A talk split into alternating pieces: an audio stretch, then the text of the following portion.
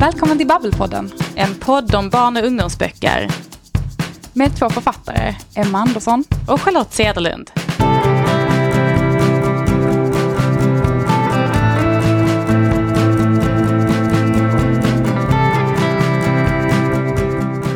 Välkommen till en ny säsong av Babbelpodden. Säsong tre! Äntligen! Den blev av.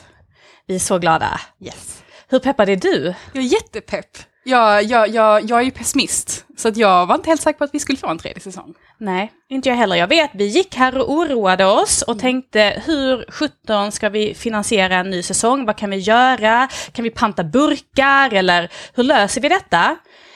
Men det behövde vi inte, eller hur? Nej, för att jag har en poddkollega som är, alltså, det är något magiskt med hennes eh, så stipendieansökningar och sånt. Alltså det, de går liksom alltid igenom. Jag förstår inte hur det här går till, men Charlotte, du är, du är en stjärna på det. Så att, såklart har vi fått stöd. Det har vi faktiskt fått. Och vi vill ju tacka eh, de vi har fått stöd från. Vi har nämligen fått stöd från Kulturrådet för att täcka både en säsong 3 och en säsong 4. Och vi har också fått stöd från Kulturfonden för Sverige och Finland. Och då kanske ni kan gissa lite vad det kommer bli för tema under säsong 3. Men mer om det senare tänker jag. Precis. För idag ska vi prata om någonting annat. Ja, vi tänkte kicka igång säsongen med att prata om lättläst. Precis, för det är superintressant och superviktigt. Vad har du för relation till lättläst?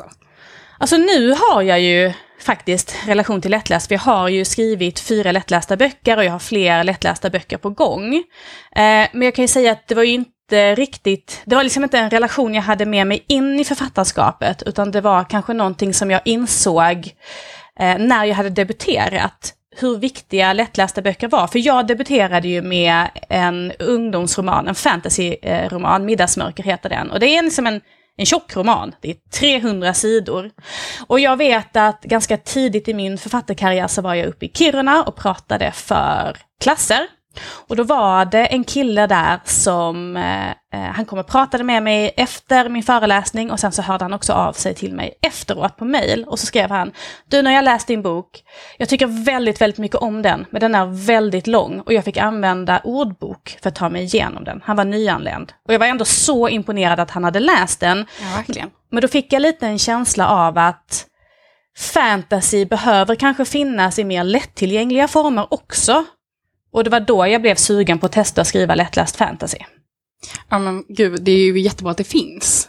Verkligen. Ja, alltså jag minns det väldigt dåligt, eh, men jag har liksom för mig att utbudet var ganska dåligt när jag var ung. Alltså jag kan inte heller komma ihåg att det fanns Eh, något som hette specifikt lättläst. Nej, eller? alltså jag, jag, jag har liksom vaga minnen av att det fanns någon, någon hylla på biblioteket, liksom där det stod lite som var liksom specifikt lättläst. Men jag har för mig att den var väldigt liten. Men det är kanske bara som jag minns.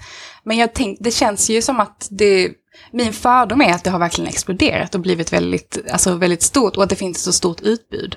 Mm. Men det Eh. gör det nog. Men vad tänker jag, vad har du haft någon tanke på att skriva lättläst? För du har ju skrivit eh, böcker för lite olika åldrar, men de har ofta har ändå varit ganska långa. Vi är ju inne på det här ofta, men jag är ju väldigt dålig på att begränsa mig för första. det, det är eh, väldigt svårt för mig. Men, men jag, jag ser det verkligen som en, som en stor utmaning, för jag tror också, också det här egentligen att, att förklara någonting på, väldigt, på färre ord, på med enklare språk. Jag skulle inte säga att jag skriver super, har ett superavancerat språk, det skulle jag absolut inte säga, men, men, eh, men det känns ändå som en väldigt stor utmaning på något sätt att hålla hålla någon nivå. Alltså jag har ju läst egentligen mer lättläst nu på, under den, här poddens tid, om man säger, än vad jag någonsin har gjort i, i mitt liv. Eh, och jag, alltså, men jag är så imponerad över de som kan skriva det, för att, för att jag tror att jag hade fått jobba jättehårt för att få till den här, för att få till rätt ton helt enkelt. Och det känner jag ju, det får jag ju också göra. Även om jag har skrivit fyra lättlästa böcker nu så är det, det kommer inte riktigt lika naturligt för mig. Jag måste tänka efter. Men det finns ju vissa författare som har skrivit hur mycket lättläst som helst, Ja, som man skulle kunna säga är proffs på det. Det hade ju kunnat vara lite intressant att prata med en sån författare och liksom få en vinkel på det som inte vi kan ge. Jo men det tycker jag absolut att vi ska göra.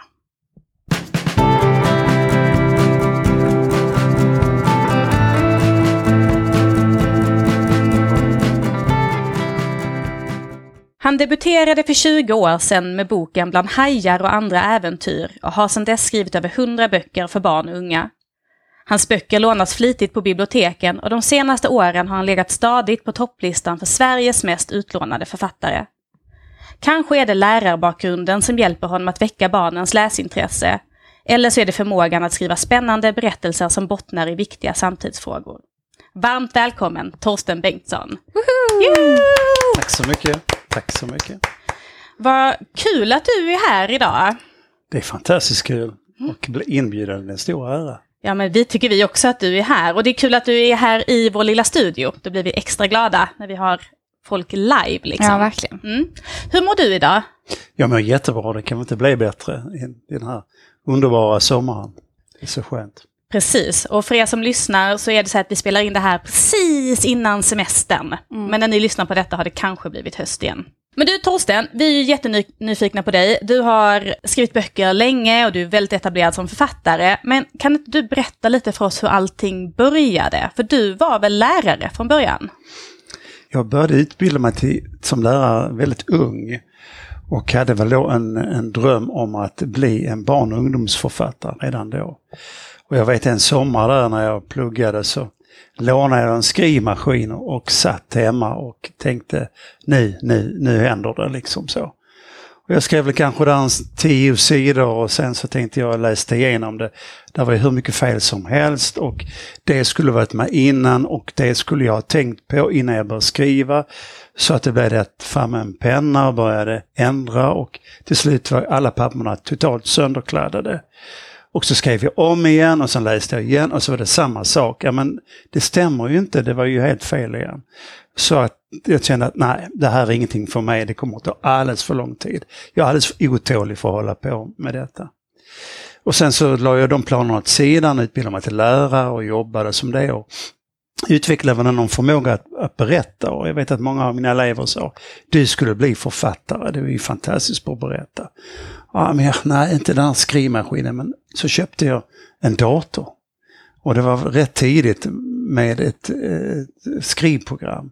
Och då plötsligt så upptäckte jag att ja, men det här är ju jättelätt. Här har jag plötsligt eh, en förmåga att inte skriva utan bygga historier istället, som har blivit min grej. Jag skriver, ändrar, byter plats, kastar text, skriver om igen. Och allting är ju så otroligt enkelt om man jämför med en, med en skrivmaskin. Så att jag tror att det var eleverna i skolan som peppade mig och att jag fick ett skrivprogram så jag kunde börja jobba på mitt sätt. Ja, jag köper det. Alltså copy-paste är kanske det, min bästa funktion när jag skriver böcker. Att kunna flytta runt text. Så jag förstår dig. Men vilken ålder var det du var lärare för? Jag började utbilda mig till mellanstadielärare och sen hamnade jag på högstadiet i många år på ett, det kallas för ett, eh, ett skoldaghem för elever som hade svårt att anpassa sig till, till, till skolgången. Och sen blev jag specialpedagog och jobbade mycket mot elever med läs och skrivsvårigheter, dyslexi och dyskalkyli. Och så. Just det, och är det därför, för att om jag har läst på rätt nu, så visst är det så att det här, din allra första bok, Bland hajar och andra äventyr, det är en lättläst bok? Den är lättläst, Ja. ja. Mm. Och hur kom det sig att det blev just det? Det var nog att jag tyckte att de här lättlästa böckerna som fanns då var så otroligt tråkiga.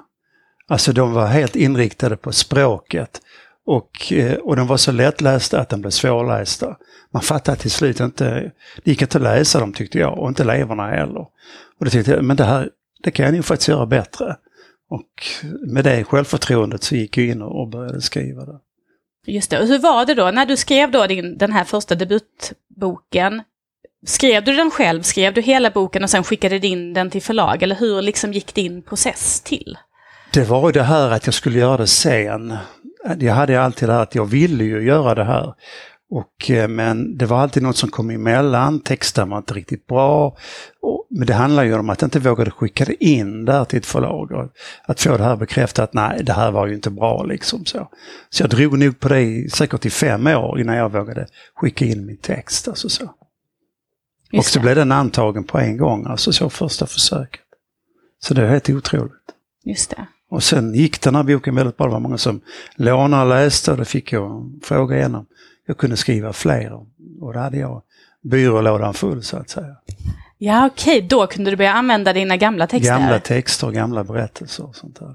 Det är ju Så jag hade ett litet försprång där faktiskt. Då, som jag lever på än idag. Kanske. Just det, så inget man skriver i någonsin i onödan kan man säga? Absolut inte. Nej. Nej.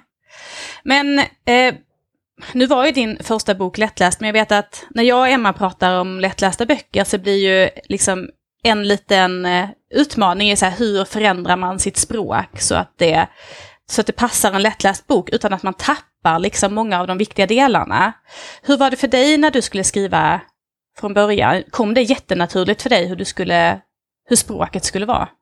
Ja, jag gillar inte det här ordet lättläst. Jag tycker det är helt malplacerat. För att en lättläst bok för en som har lä läs och skrivsvårigheter eller dyslexi, den är ju aldrig lättläst. Den är ju alltid svårläst. Så därför är det ju, jag tycker man, jag har inte hittat något annat ord kanske, ja, anpassa text eller, jag vet inte, det, det är ingen, ingen, men jag gillar inte lättläst. Men för mig är det inte några stora saker utan jag skriver och har hittat min stil och det är att jag försöker i miljön anpassa den till en miljö som är nära barnen. Då har man inte så mycket omskrivningar och, och förklaringar utan man är den miljö som barnen befinner sig. Ofta en rak handling.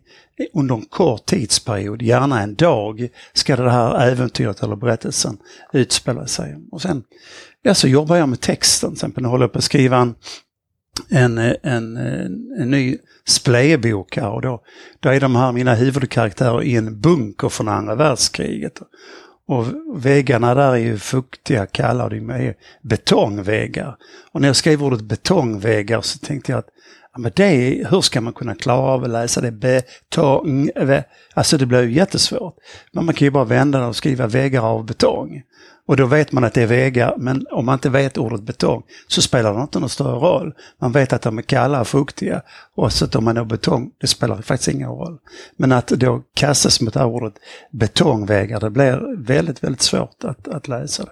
Så de små detaljerna kan man sen jobba med, med texten. Just det, jag förstår. Men Splay är ju eh, någonting som vi definitivt måste prata om. För Splay är ju en serie som du har skrivit på i ett antal år nu. Och eh, om jag har räknat rätt så har det kommit 15 böcker. Ja, 16 16 till hösten. 16 till och med. Och jag eh, pratade faktiskt lite med ditt förlag här igår och de sa att det var en av deras populär, mest populära serier och att den har sålt väldigt, väldigt bra. Berätta lite, vad är det, vad är det Splay handlar om? Ja, Splay handlar om två killar och två tjejer som går samma klass och de är bästa vänner. Och de har inrett en studio i en sommarstuga en bit utanför stan. Och den stugan tillhörde huvudkaraktären Peos mormor, men hon lever inte längre.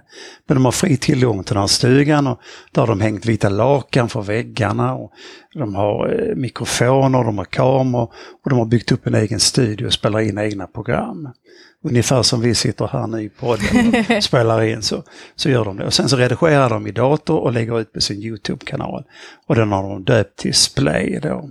Och det står för Studio, P och Lullo, Ester och Jamal. Då. Och i det här så löser de mysterier. I varje bok så finns det någonting med samhällsanknytning. Jag letar då historier liksom överallt.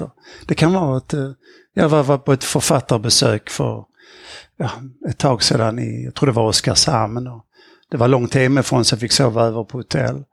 Och när jag stod, satt och käkade frukost där så, så låg det en lokaltidning framför mig och bläddrade i den. Och det var rubriken Två utklädda tomtar rånade en godisbutik. och liksom det fastnade, vem, alltså vem går in i en godisbutik med en kökskniv och vem, vem är de bakom masken? Liksom? Ja, det måste ju bli ett fall för splay då. Och det blir extra spännande om huvudkaraktären vet vem en av de tomtarna är. Att det är hans bror egentligen. Och vad är det då som har gjort att hans bror gör detta? Tvingas till göra det. Så har man någonting liksom, som händer i samhället idag. Och så vill jag fortsätta med det då. Så att det blir en spännande historia men den är då anknuten till samhället idag. Just det. Tror du att det är det? För som sagt, det här är en serie som har blivit väldigt, väldigt populär eh, hos barn. Både eh, biblioteksutlåning och läsning i skolan och sånt där. Vad är det du tror är det som verkligen, verkligen lockar med den här serien? Jag tror att många barn, det jag har hört i alla fall, att de säger att det är precis som att det händer på riktigt. Att det skulle kunna vara de som har den här studion och att de skulle kunna råka ut för detta här som de gör. Det, det är lite onaturligt att man råkar ut för 16 olika mysterier. Så. Men det skulle kunna, någon av dem skulle kunna ha hänt vem som helst. Alltså. Så jag tror att verklighetsnära och att det är spännande. Och att det är ett samhällsproblem som finns runt omkring oss. Just det. Ja, precis. Ja, men det, jag kan tänka mig att, att det verkligen är sånt som lockar. Men du, det är en sak som vi också har tänkt lite på och det är att när man, när man i bokbranschen, när man pratar om en författare som är det som är lyckad, då pratar man jätteofta om försäljningssiffror. Det är så här, hur många böcker har sålts, hur stora är upplagorna? Men det finns ju en annan sida av det som kanske påverkar oss som skriver barn och ungdomsböcker väldigt mycket rent ekonomiskt och det är biblioteksutlåningen. Och som jag sa här lite i introtexten, du har ju legat på, för det här har jag kollat, topp 20-listan för mest utlånade författare i Sverige i ett par år nu. Hur viktig tycker du att, alltså hur viktig är biblioteksutlåningen för dig? Det är någon för, nu, nu är, man kan säga att jag, många av mina böcker är på lite mindre eh, förlag. Så man kanske inte har de här stora musklerna med PR. Och, eh, men det kan också vara till fördel för att då, då, då ja, man får hjälp mer ut och jag blir någon som förlaget tar hand om. I ett större förlag är det många, kanske hundratals olika författare och då kan man ju drunkna i, i utbudet som de har. Men jag tror att det har varit en stor hjälp för min del. Mm. Och att jag har varit mycket ute på författarbesök har gjort att eh, jag har fått stor spridning på böckerna. Och eh, ja, det är också ett kvitto på att, att de blir lästa på något sätt. Det är, det är, det som, det är en drivkraft i sig att man vet att när böckerna liksom kommer ut så är det många som vill låna och läsa dem tycker jag. Ja men så är det ju och det kanske ger böckerna en annan livslängd också tänker jag. Därför att vi vet ju alla att i bokhandeln får de ju inte stå så länge. Nej. Men lånas de på bibblan får de ju stå kvar. Mm. Så är det. Mm. Ja, och jag tänker det är kanske inte alla som vet, men, men eh, vi författare får ju faktiskt en om en pytteliten slant för varje utlåning, men vi får ju ändå en liten slant. Eh, och det tänker jag att det kanske inte alla är medvetna om, men det kan ju ändå bli, jag tänker när man är på din nivå Torsten och har så många böcker som du har på biblioteket, så kan jag tänka mig att det ändå kan bli en, en, en slant lite mer än bara liksom eh, lite fickpengar, tänker jag. Det är klart att det är en, en viktig del men det finns ett avtal sedan, jag tror 1950-talet att har du väldigt många utlån så, så blir de strypta över en viss gräns så att de pengarna som ska vara egentligen då går in i en fond och sen delas ut igen till stipendier. Och det är väldigt solidariskt egentligen om man tänker efter för att det ger ju chansen till många nya författare att ta steg. Och så var det en gång för mig att jag fick olika stipendier, ett arbetsstipendium som då var absolut avgörande för att man kunde ta det här steget och göra. Så det är ett väldigt bra system tycker jag. Just det. Ja, men och för, ja, för hur var det för dig? Hur länge fortsatte du att jobba både som lärare och skriva böcker på sidan om? Ja, jag, jag fick ett sånt här friår om ni kommer ihåg det. Det var för några år sedan man kunde få och då ansökte jag om det. Och, och fick det. Jag fick under ett helt år bara sitta hemma och skriva och det var, det var fantastiskt och det fick jag känna på yrket på riktigt så att säga. Då. Och sen fick jag vara tjänstledig varje fredag från mitt jobb som, som lärare. Och det var ju en helig dag och sen var det torsdag, fredag. Och sen var det mycket författarbesök och så vet jag att en, en elev tittade på mig och, och när jag var i skolan. Va? Va? Är du här idag? Liksom så. Och då kände jag att nej, jag mådde liksom inte bra av det att jag gjorde ett dåligt jobb i skolan och, och ett dåligt jobb som författare för jag ville ju skriva ännu mer. Tiden räckte inte till. Då. Och det var det ju ett arbetsstipendium som hjälpte till att ta det här steget att uh, satsa på heltid. Just det. Ja, det är ju helt fantastiskt. Men du skriver ju inte bara lättlästa böcker, utan du skriver ju också läromedel, eller hur? Mm. När, när började du med det? Var det liksom tidigt eller har det kommit efterhand? Det hade väl gett ut en två, tre böcker i början där eh, för mer än 20 år sedan. Då såg jag en annons i lärartidningen att ett av våra större läromedelsförlag, de sökte eh, två författare till en, en helt ny eh, serie och inom naturkunskap och eh, geografi. Och jag tänkte att ja, men det är ju spännande, tänk att få skriva det. Jag är ju verkligen vill berätta även fakta och sånt där. Men då skulle man ju ansöka om detta här och vi var 300 som hade ansökt och jag tänkte att oj, oj, jag har inte en chans. Och sen fick jag ett meddelande att nu var de 30 kvar liksom så.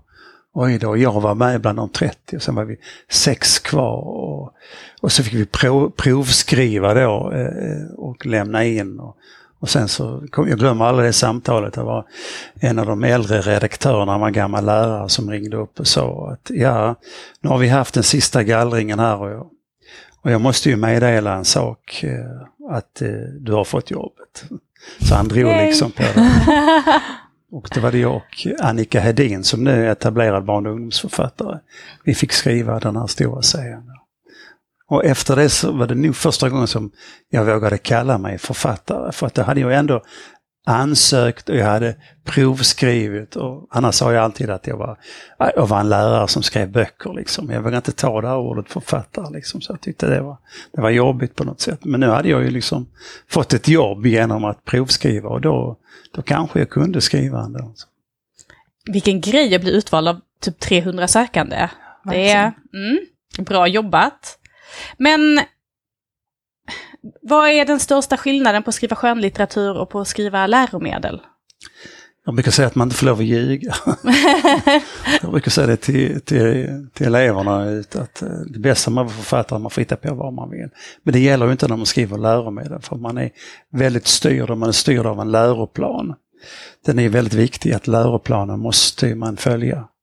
Och att eh, all text och allting ska vara förankrad i läroplanen. Men för oss då som har jättedålig koll på läroplanen, alltså hur spesat är det? Alltså hur tydligt står det i en läroplan vad som ska vara med?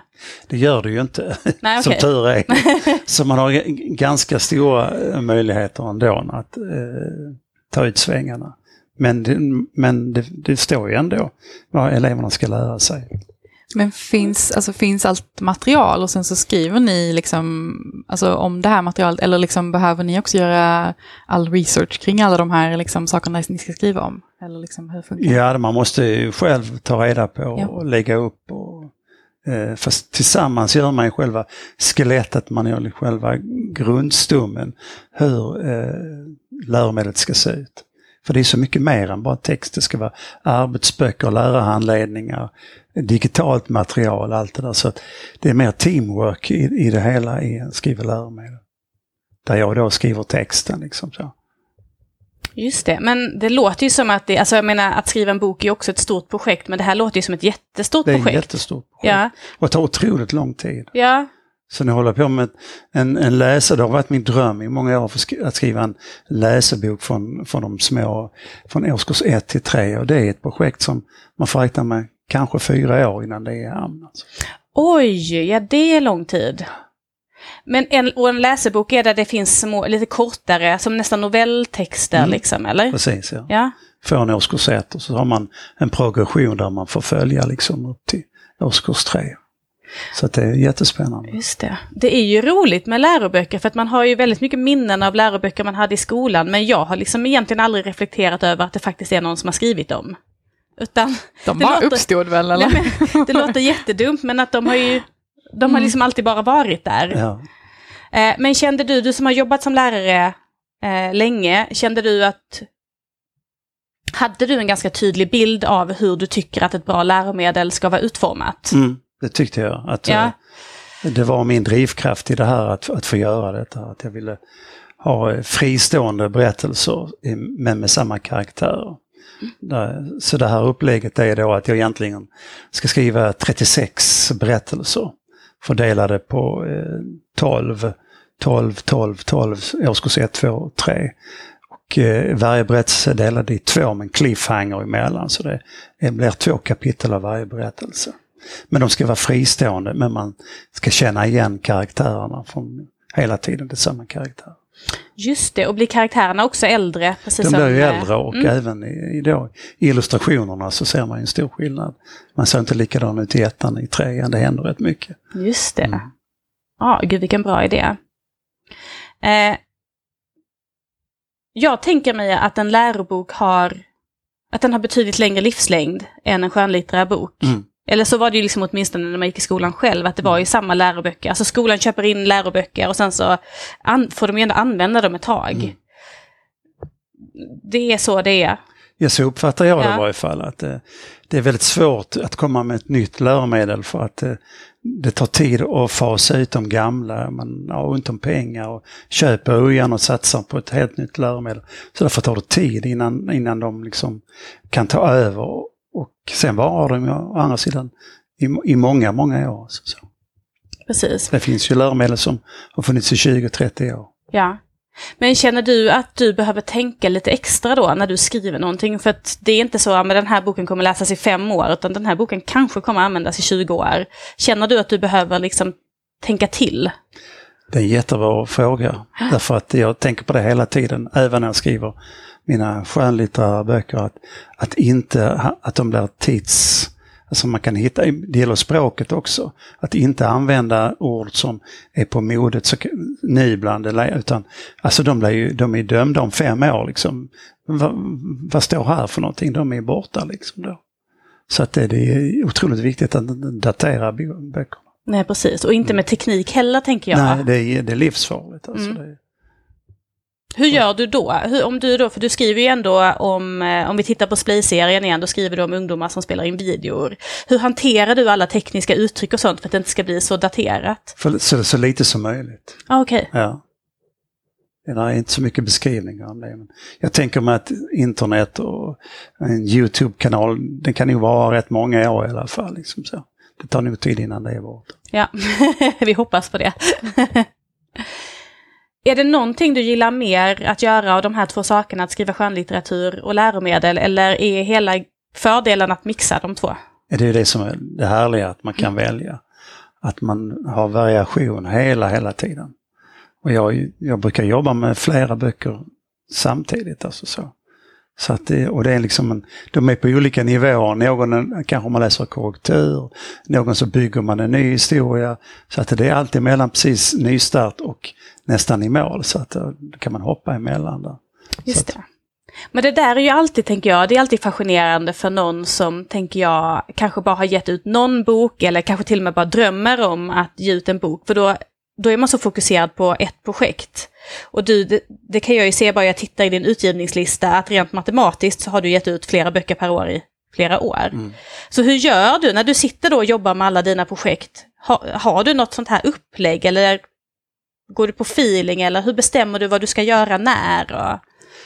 Eh, det går i en viss ordning när, när, det, när det ska lämnas in helt enkelt. Så när, nära deadline och jag är väldigt noga med att aldrig någonsin försöka jobba under press. Jag klarar inte det, jag är, inte så då, jag är dålig på det helt enkelt. Jag vill ha lång framförhållning. Och, och får jag välja så sätter jag alltid datum så långt bort jag kan för att eh, eh, då vet jag att jag har tid på mig. Och sen försöker jag leverera i god tid, alltid. Så jag inte hamnar där att man, ja ah, det är tre veckor kvar, jag måste liksom så. Och så har man inga bra idéer och så blir det inte bra. Nej. Så jag försöker alltid hålla en, en god marginal så att säga. Mm. Det låter klokt. Vi pratade ju lite innan om, om det här med, med språk. Eh, och jag funderar lite på det, för det jag kan tycka är svårt, nu, nu har inte jag oftast så mycket på gång samtidigt, eh, men jag kan tycka det är svårt bara när jag till exempel skiftar från ungdomsroman till eh, barnbok för lite yngre barn till exempel, att, att jag kan ibland ha svårt att så här, hitta tillbaka till den tonen på något sätt, att det ska vara lite Alltså om man säger just det här till exempel att tänka på det här med ord till exempel och sådär, att, att det kan vara en utmaning för mig bara jag gör dem efter varandra. Liksom. Men jag tänker, du gör allt det här samtidigt, hur hittar du in liksom, i, i, i dina projekt hela tiden? Eller är det, har, du gjort, har du jonglerat det här så länge nu så det, är liksom, det kommer av rena farten? Liksom? Jag tror att det är att jag tänk, när jag skriver så tänker jag enbart i bilder. Jag ser liksom inte texten. Utan för mig blir eh, karaktärerna levande på något sätt. Jag, jag ser rummen, jag ser dem framför mig och då är det som att gå in i en, öppna en dörr och gå in i, en annan värld. Liksom. Och sen när man har varit i den världen så kan man stänga den dörren och sen öppnar man ett annat rum och går in i det rummet där och träffar dem som finns där. Därför är jag en otroligt dålig korrekturläsare. Jag, kan, jag ser inga fel, utan jag ser bara bilder. Så fort jag börjar läsa så ser jag de här bilderna igen. Jag ser inte texten. Det är jättekonstigt. Det låter ju väldigt fint dock. Eller så det, det blir väldigt, eh, det blir filmiskt nästan. Det blir fel, ja, så jag tänker så när jag skriver. Nice. Jag tänker du som eh, är så etablerad nu och har gett ut flera böcker på flera förlag. Är det nu så att förlagen börjar fråga dig? Det är så här, Åh, kan du inte skriva en serie om det här? Och vi, skulle vilja ha, vi skulle vilja ha en serie för lågstadiet. Eller är det så att du själv kommer med mycket idéer och kollar med dem? Eller hur funkar liksom? Ja, det är ett samarbete. Mm. Tycker jag man kan säga nu att eh, det, är må- det är många serier liksom och då, eh, då kan jag ju själv ta nästa steg och föreslå att eh, det ska handla om det här och där och skriva ett synopsis. Eh, eller så träffas vi helt enkelt och diskuterar, vilket, det gäller ju faktaböcker som jag skriver, vilket ämne passar ni och då har förlaget liksom kollat av, det här har vi fått mycket input och det vill vi nog att, kan du skriva om det här och då, då kan jag nappa på det eller så, nej, det där kändes inte alls någonting för mig. Så att, Ja, just det. ja. Jag har verkligen förstått att serier är eh, väldigt populärt i, hos de lättlästa förlagen. Och att det är någonting som man, man har en känsla av att det, alltså det ökar liksom suget på läsning. Mm. Varför tror du att det är så? Det kan ju vara att det är lite, har man läst en bok så har man karaktärerna och man vet ungefär. Man ser tråden och man har mycket gratis. Mm. Så jag tror att det är, och är det då spännande och samtidigt så är det lättare då att, att ta nästa bok och nästa bok. Ja, just det. Det ser väl alltid liksom, om man tittar bakåt på barn och ungdomslitteratur, femböcker, kittyböcker och sånt där. Beagles, allt har ju varit mycket serier. Ja, just det. Ja, det stämmer ju. Hur många serier skriver du på just nu? Ja, jag skriver väl eh, tre serier, olika serier. Och eh, en läromedelsserie också, så det blir fyra. Just det, bara fyra. ja, det är imponerande Torsten, verkligen. Det är ju faktiskt exakt 20 år sedan i år, va? Sedan din eh, debutbok kom ut, din lättlästa debut. Ja, just det. Fast jag, jag ser eftersom jag höll på med nästan i fem år innan, så känns det som att det, det är 25 för mig då. Just det. Men grattis till 20-årsjubileet då. Tack. Men det känns som att då, du har varit verksam i, ska vi säga lättlästbranschen då, under kanske en ganska, en tid som känns som den har förändrats ganska mycket. Tycker du att det är stor skillnad på hur lättlästa böcker skrivs och läses och används nu jämfört med då för 20 år sedan när du skrev din första? De har blivit mycket, mycket bättre, tycker jag, överlag. Det skulle jag säga. Jag, mitt minne av, för ja, vi sa 25 år sedan, var att de var väldigt torftiga. Och det gick ut på bara att behandla språket. Där, där handlingen var helt underordnad egentligen. Men idag är det som, som vilken annan bok som helst, skulle jag vilja säga. Eh, du kan inte se skillnad på dem, de går på biblioteket och de står oftast inte på en speciell hylla liksom. Och, och nästan som de skämdes där en gång i tiden, liksom så att det var något fult att gå dit och låna den. här, Utan nu är de blandade och att det är på biblioteken och skolbiblioteken så, så vet man vem, vem som behöver de här böckerna speciellt. Men jag tycker överlag de är mycket, mycket bättre. Mm. Kan jag säga. Vad bra. Och det finns ett större utbud och det finns fler författare som skriver som är etablerade som, som skriver även eh, så kallade lättlästa böcker. Då. Precis, ja men det känns, jag som inte är så jätteinsatt känner också att det har blivit, det har blivit större bara på de åren jag har varit verksam. Sen kanske det är något negativt i det att det, det finns fler barn som behöver de här böckerna för att eh, vi vet hur det är med läsningen att den är inte på topp. Alltså, så vi har ju enligt PISA, det har gått från plats nummer ett i världen på 70-talet som överlägset bäst i läsförståelse och nu var vi väl på plats 47 så det finns ju inget annat land som har fallit så snabbt som Sverige, svenska elever har gjort. Det finns ju jättemånga anledningar till det. Mm. Det kan vi nog inte ta här för, för vi har ett, ett program till. Jag. Ja, men det är ju en dubbelhet i det, tänker jag. Att det är ju såklart att det är sorgligt att det, att det behövs, som man säger, men samtidigt så är det ju också, också jättebra att det finns då, tänker jag. För, det, för det bjuder ju in barnen till läsning. Ja. De kanske inte hade plockat upp en bok alls Nej. annars. Eh, och då tänker jag att då är det ju bättre att det, om man säger då, är lättare än att, inte, att man de inte läser överhuvudtaget. Jag ser det som att det finns ingen annan möjlighet Nej. att, ja, men nu är det en bok som är anpassad för dig och sånt där. Men det måste man ju ha. Jag brukar tänka på ett, att, eh, att läsa är som ett stort berg, att man ska klättra upp på toppen. Och du har gjort det och gjort eh, din lästräning. Det finns ju forskare som säger att man måste läsa 5000 timmar för att bli en god läsare. Och när du är uppe på toppen kan du läsa vilka böcker som helst. Men vägen dit är ju olika för olika personer. Vissa måste krångla upp på små stigar och klättra och det är besvärligt. Då måste det finnas böcker på den nivån när man befinner sig. Man kan inte, man kan inte fuska och hoppa över och flyga helikopter till toppen för det, det funkar inte så. Du kan aldrig läsa de böckerna om inte du har gjort jobbet innan. Så att säga. Så alla böcker måste finnas, det är jätteviktigt. Verkligen, och jag tror att alla är väldigt, väldigt glada att dina böcker finns där ute och kan locka så himla många barn till att läsa. Um, tack så jättemycket Torsten Bengtsson för att du mycket. ville vara med här idag. Ja, stora ära, det var jättekul.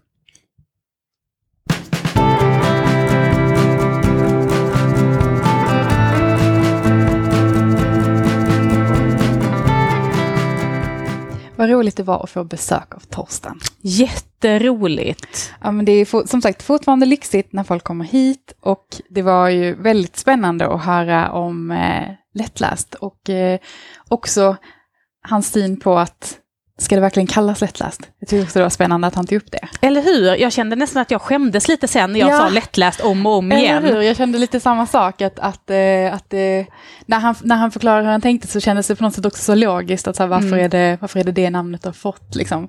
Men samtidigt så ja, jag vet inte heller vad man skulle säga annars. Eh, så det, det är kanske det det får heta så länge. Men men ja, väldigt spännande att höra med någon som har varit med så länge och skrivit så mycket. Eh, och där liksom på något sätt det, om man ändå säger lättläsa skrivandet kommer så naturligt. Att det är liksom, det är där, det är där han är och eh, vill vara. Liksom.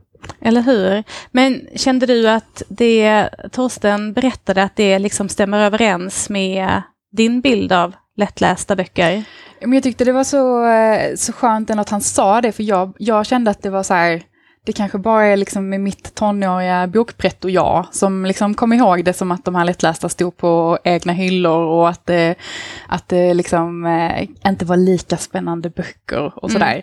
Men jag tyckte det var så skönt att han sa det för jag bara kände okej okay, det var inte bara min, min uppfattning utan det var, det var kanske lite tråkigare trots allt eh, på den tiden och att det har hänt så himla mycket på de här åren. Alltså, Eh, ja, ganska säkert 20 år sedan så gick jag ju typ liksom, i fyran. Liksom. Eh, och ja, det var inte så det var inte så roligt då, liksom utbud kanske. Eh, men det har ju verkligen hänt väldigt mycket sedan dess. Det har det, jag kan säga det, jag ser det, jag är ute och gör mycket skolbesök och jag är ute mycket i mellanstadiet och det ligger ju böcker från de här lättlästförlagen ligger ju oftast på mer än hälften av alla skolbänkarna, så de är väldigt populära i skolan. Ja, verkligen. Men jag tyckte det var så himla intressant det här vi pratade om lite på slutet, det här hur utvecklingen faktiskt har varit. Mm. Det känner jag mig alltså väldigt nyfiken på, för jag tror att den här genren är någonting som bara kommer fortsätta att utvecklas. Och då är det ju superspännande att kolla bakåt också. Ja, men verkligen. Och det tycker jag att vi borde prata mer om. Kan vi inte göra det? Ja, men det gör vi.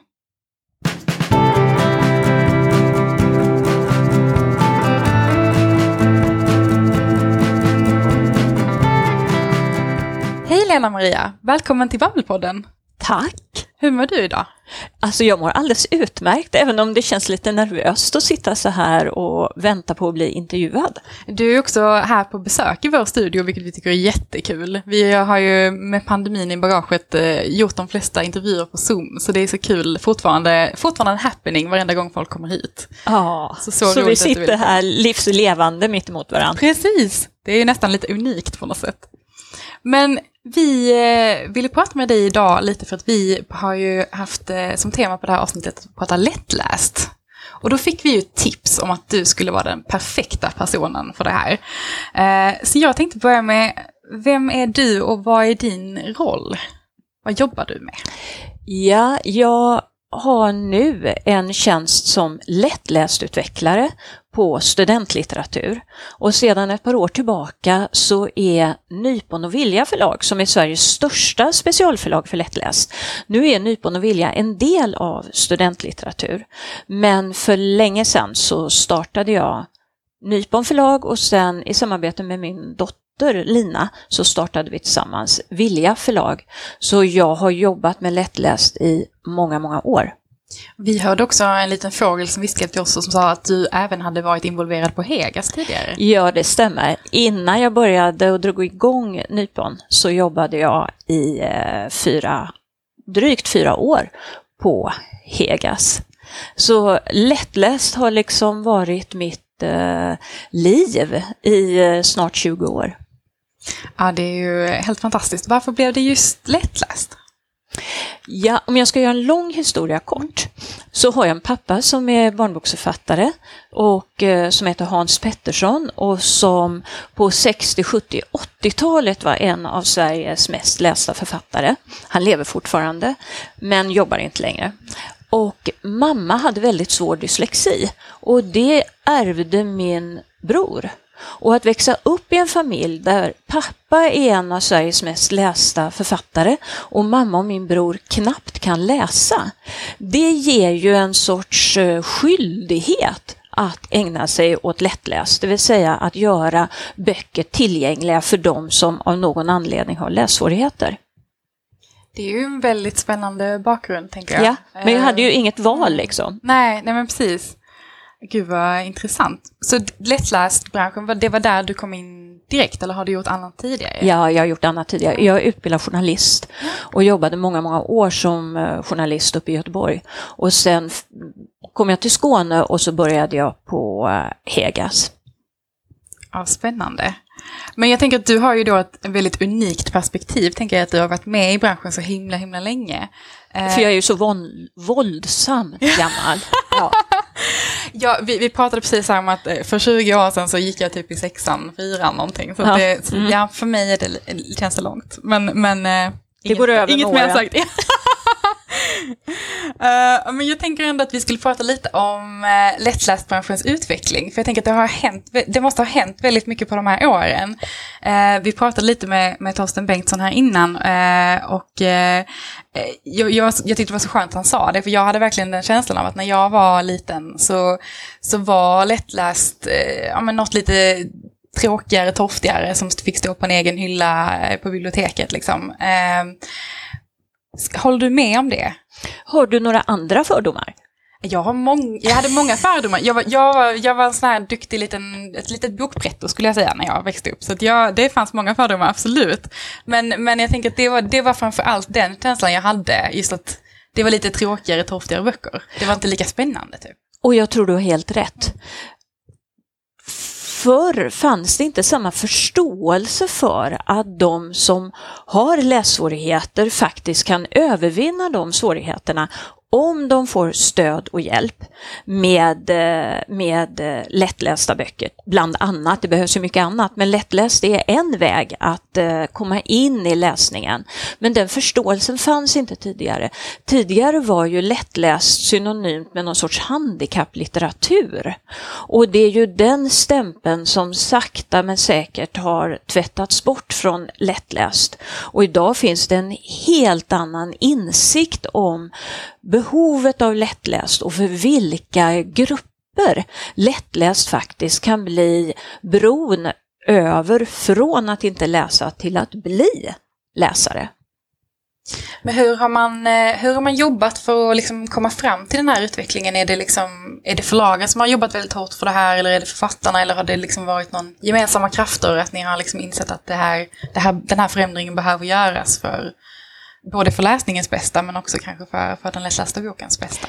Ja, jag skulle säga att det är både förlagen och författarna och lärarna och bibliotekarierna. Vi är ju på något sätt länkare i en enda lång kedja där, där författaren är i början av kedjan och läsaren är i eh, slutet av kedjan. Och alla har vi tillsammans hjälpts åt för att få fram dagens läsvärda, attraktiva och lättlästa böcker. Mm, och jag tror att tiden har talat för det här för att det finns en hel del forskning och det finns en större förståelse för att det är möjligt att hjälpa barn, unga och vuxna med lässvårigheter så att de kommer över sina läsproblem eller i alla fall kan bemästra dem på ett annat sätt än tidigare. Så jag skulle säga att vi är många som har jobbat tillsammans för det här. Men jag upplever också som sagt att det känns som att det ges ut mer lättläst idag. Stämmer ja, det? Oh ja, oh ja, oh ja. Alltså när, när jag började jobba med lättläst så fanns det egentligen bara två förlag. Och nu har ju, finns det ju fyra, fem specialförlag för lättläst. Plus att alla traditionella förlag med självaktning har en lättläst linje. Sen finns det ingen gemensam nämnare i förlagsvärlden kring vad som exakt gör en bok lättläst eller nivågradering på en lättläst skala från eh, lättare till svårare.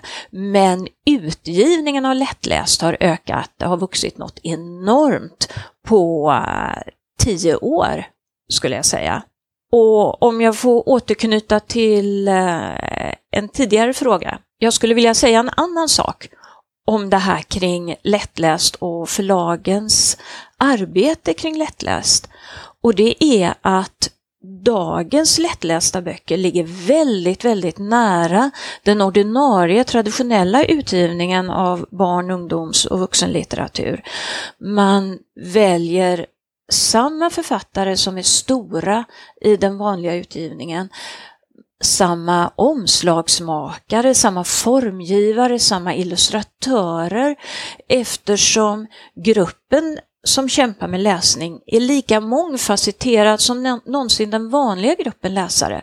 Och då är ju deras intresse samma som gruppen goda läsare och därmed är det naturligt att välja samma författare och samma formgivare om man säger så. Och det gör ju att den lättlästa boken inte skiljer sig varken i språk, jo, den skiljer sig i språk, men den skiljer sig inte lika mycket i innehåll och form som den kanske gjorde tidigare. Ja, det tänker jag att det gör ju verkligen att, att, eh, ja, men att, man, att man är beredd kanske att ta till sig den på ett helt annat sätt. För jag tänker när det var sådär lite utvalt att säga okej okay, du får gå till din egen hylla och, och liksom så då, då kanske man drog sig för, att, för att gå dit kanske.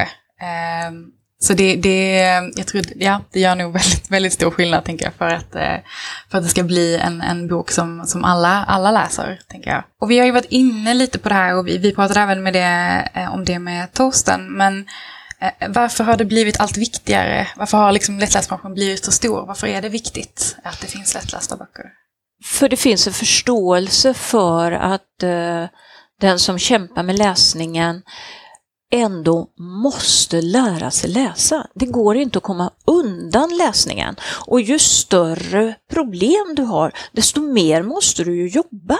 Det är ju inte så att om du har det jobbigt med läsningen så kan du avstå ifrån att läsa, utan då måste du läsa jättemycket mer. Men då måste det också finnas en mångfald av böcker. Och den, den insikten påverkar. Men sen är det ju också så att fler barn bevisligen enligt olika studier läser sämre och läser mindre idag än vad de gjorde tidigare. Sen har det ju kommit en helt ny grupp, nämligen alla som är nya för svenska språket.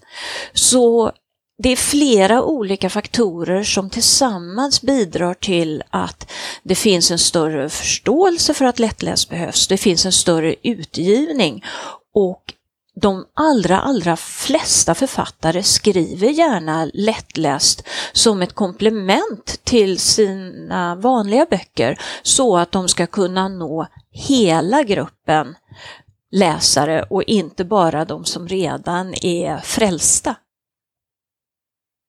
Ja, är spännande. Vi var ju också inne på det här lite eh, om fördomar. Eh, och jag tänker, Eh, mina fördomar var sidosatta från när jag var ung, men finns det fördomar idag och vad består de i av i så fall? Ja, och jag sitter här med ett stort leende. jag, jag tycker frågan är bra och jag blir glad över att du ställer den. Ja, det finns fördomar. Den största fördomen som jag möter när jag är ute på skolor och bibliotek, det är att den lättlästa boken har blivit för attraktiv. Det var bättre när den lättlästa boken var lite halvtråkig och stod i ett hörn. För då valde goda läsare de mer avancerade böckerna. De sämre läsarna hade inget att läsa egentligen, för de böcker som fanns var inte tillräckligt attraktiva. Och den fördomen eller rättare sagt, det är inte en fördom utan det är mer ett problem i synen på lättläst. Och det är att lättlästa böcker lockar de läsare till sig som inte skulle behöva läsa lättläst. Och då blir ju lärare och bibliotekarier lite eh, ledsna över att goda läsare inte läser på sin egen läsnivå och ibland får den lättlästa boken klä skott för detta.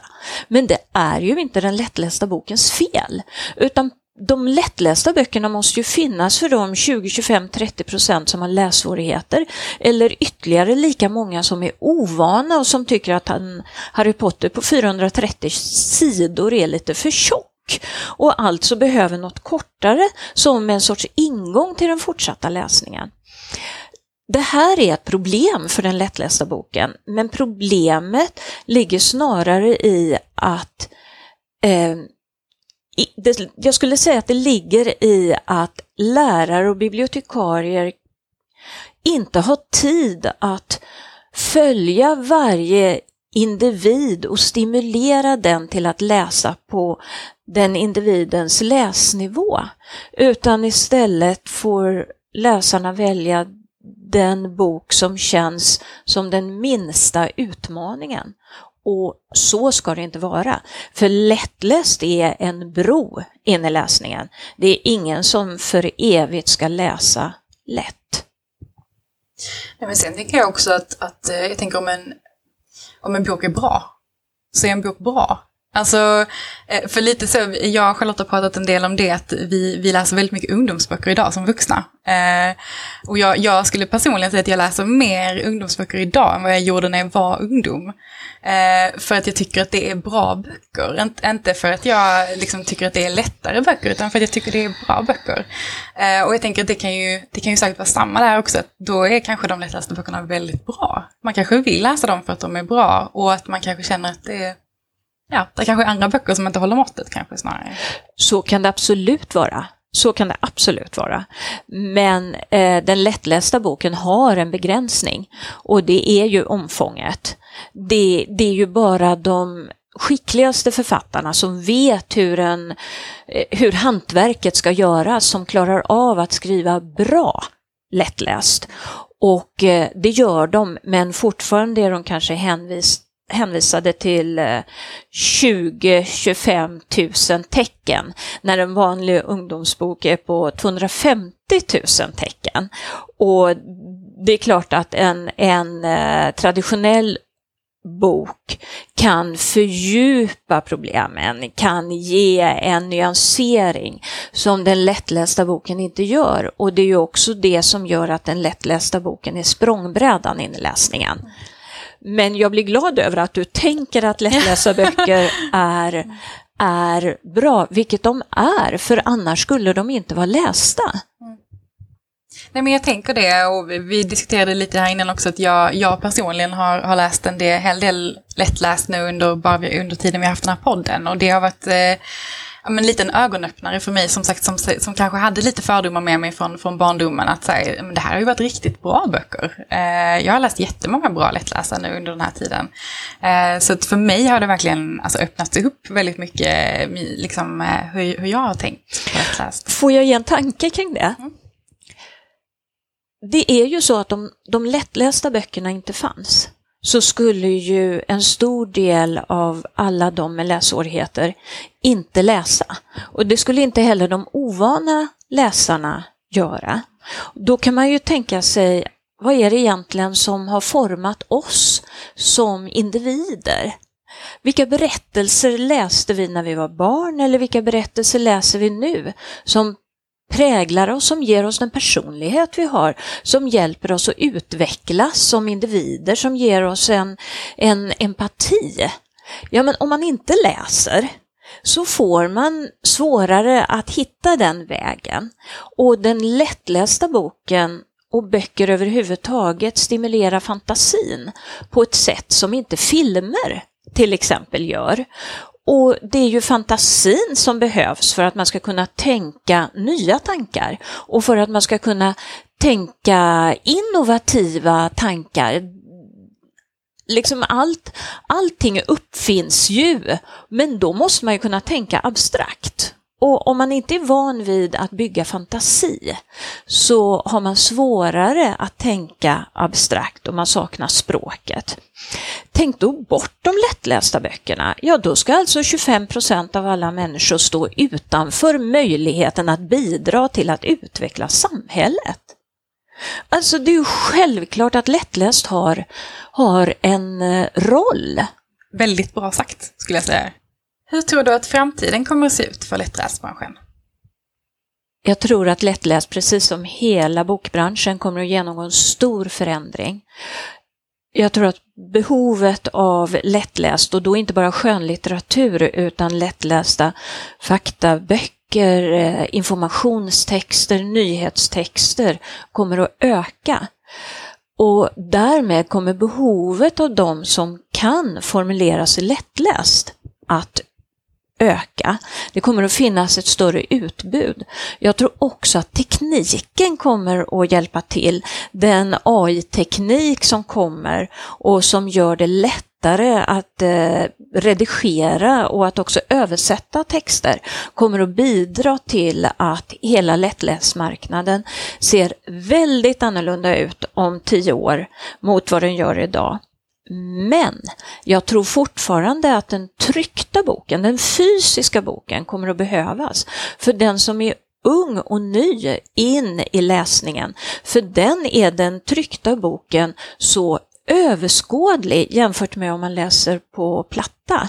Och jag tror att man behöver få känna, jaha, så här tjock är den, så här långt har jag kommit, så här många sidor är det kvar, så här känns det att läsa Nu vänder jag blad. Den, den känsla som den tryckta boken förmedlar, den är värdefull för att komma in i läsningen. Så jag tror att bredden, mångfalden kommer att se annorlunda ut. Men jag tror fortfarande att det kommer att finnas ett stort värde av fysiska lättlästa böcker. Det låter som helt fantastiska slutord.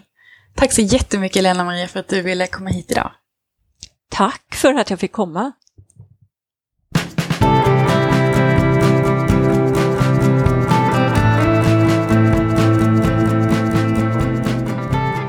Nu blir det boktips! Har det blivit mycket läsning i sommar för dig, Emma?